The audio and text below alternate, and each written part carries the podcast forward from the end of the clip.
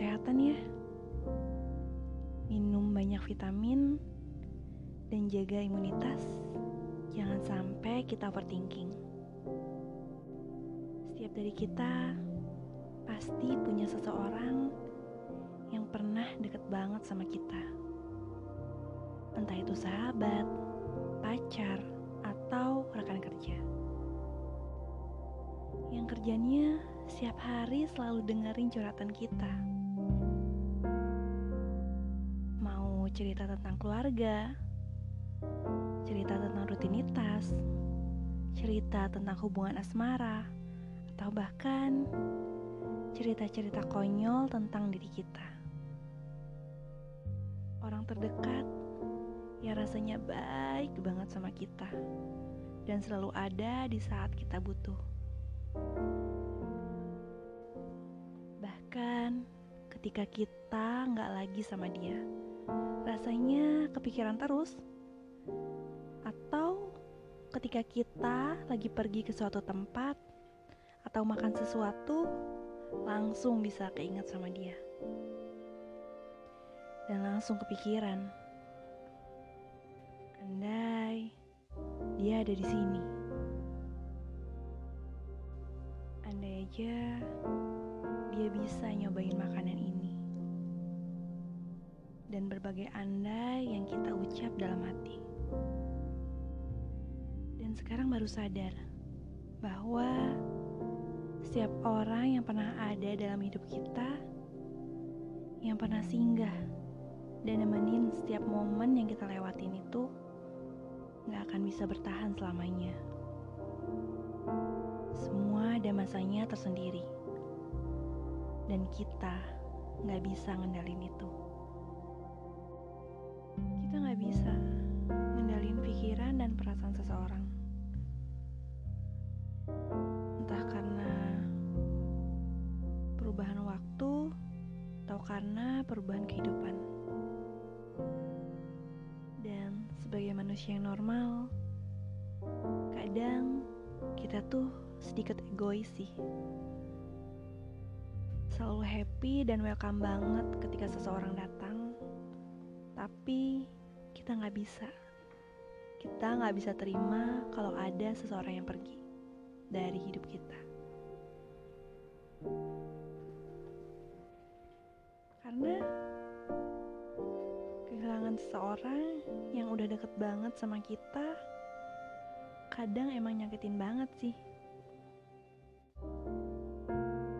Ketika bersama, kita selalu kasih yang terbaik buat dia.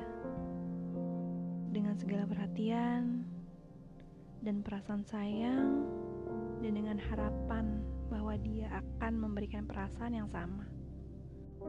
Tapi semakin hari malah sebaliknya. Dan di sini aku cuma mau bilang, nggak apa-apa. Nggak apa-apa kok, kamu ngerasain sakit ini. Nggak apa-apa kalau kamu diabain. Nggak apa-apa kalau kamu ditinggal pergi. Anggap aja setiap rasa yang kamu alami sekarang adalah bagian dari proses pendewasaan. Di setiap chapter kehidupan itu pasti ada fase up and down-nya. Jadi, it's okay.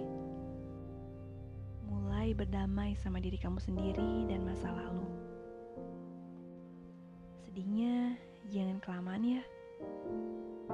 Karena kamu berhak untuk bahagia. Belajar ikhlas itu emang sulit, tapi bukan berarti nggak bisa ikhlas kan? Untuk saat ini, fokus aja deh dengan tujuan apa yang mau kita raih dalam hidup. Fokus sama perbaikan diri sendiri, fokus sama kerjaan yang ada, fokus sama rutinitas, fokus sama hubungan pertemanan yang ada saat ini.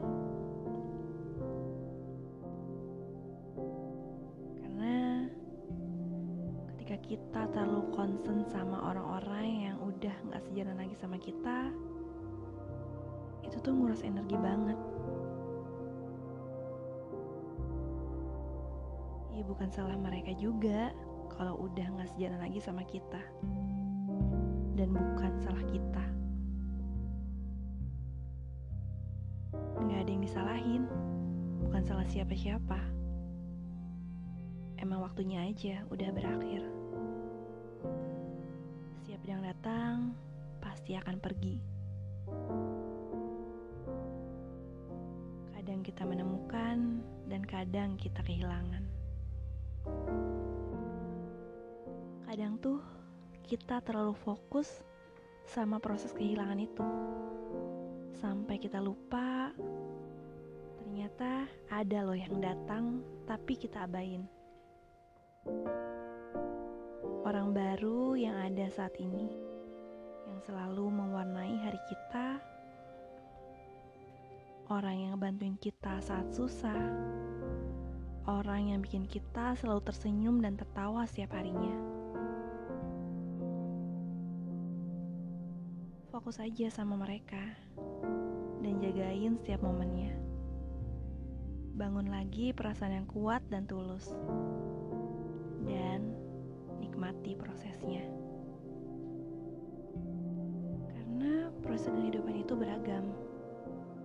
Gagal, jatuh, ditinggalkan, dikucilkan, hingga membuat kita hampir menyerah berkali-kali.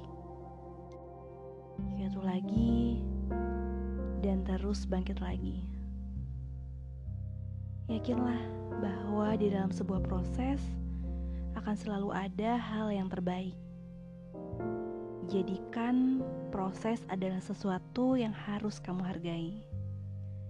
Yakinlah, sepahit apa pun prosesnya, akan berbuah manis pada akhirnya.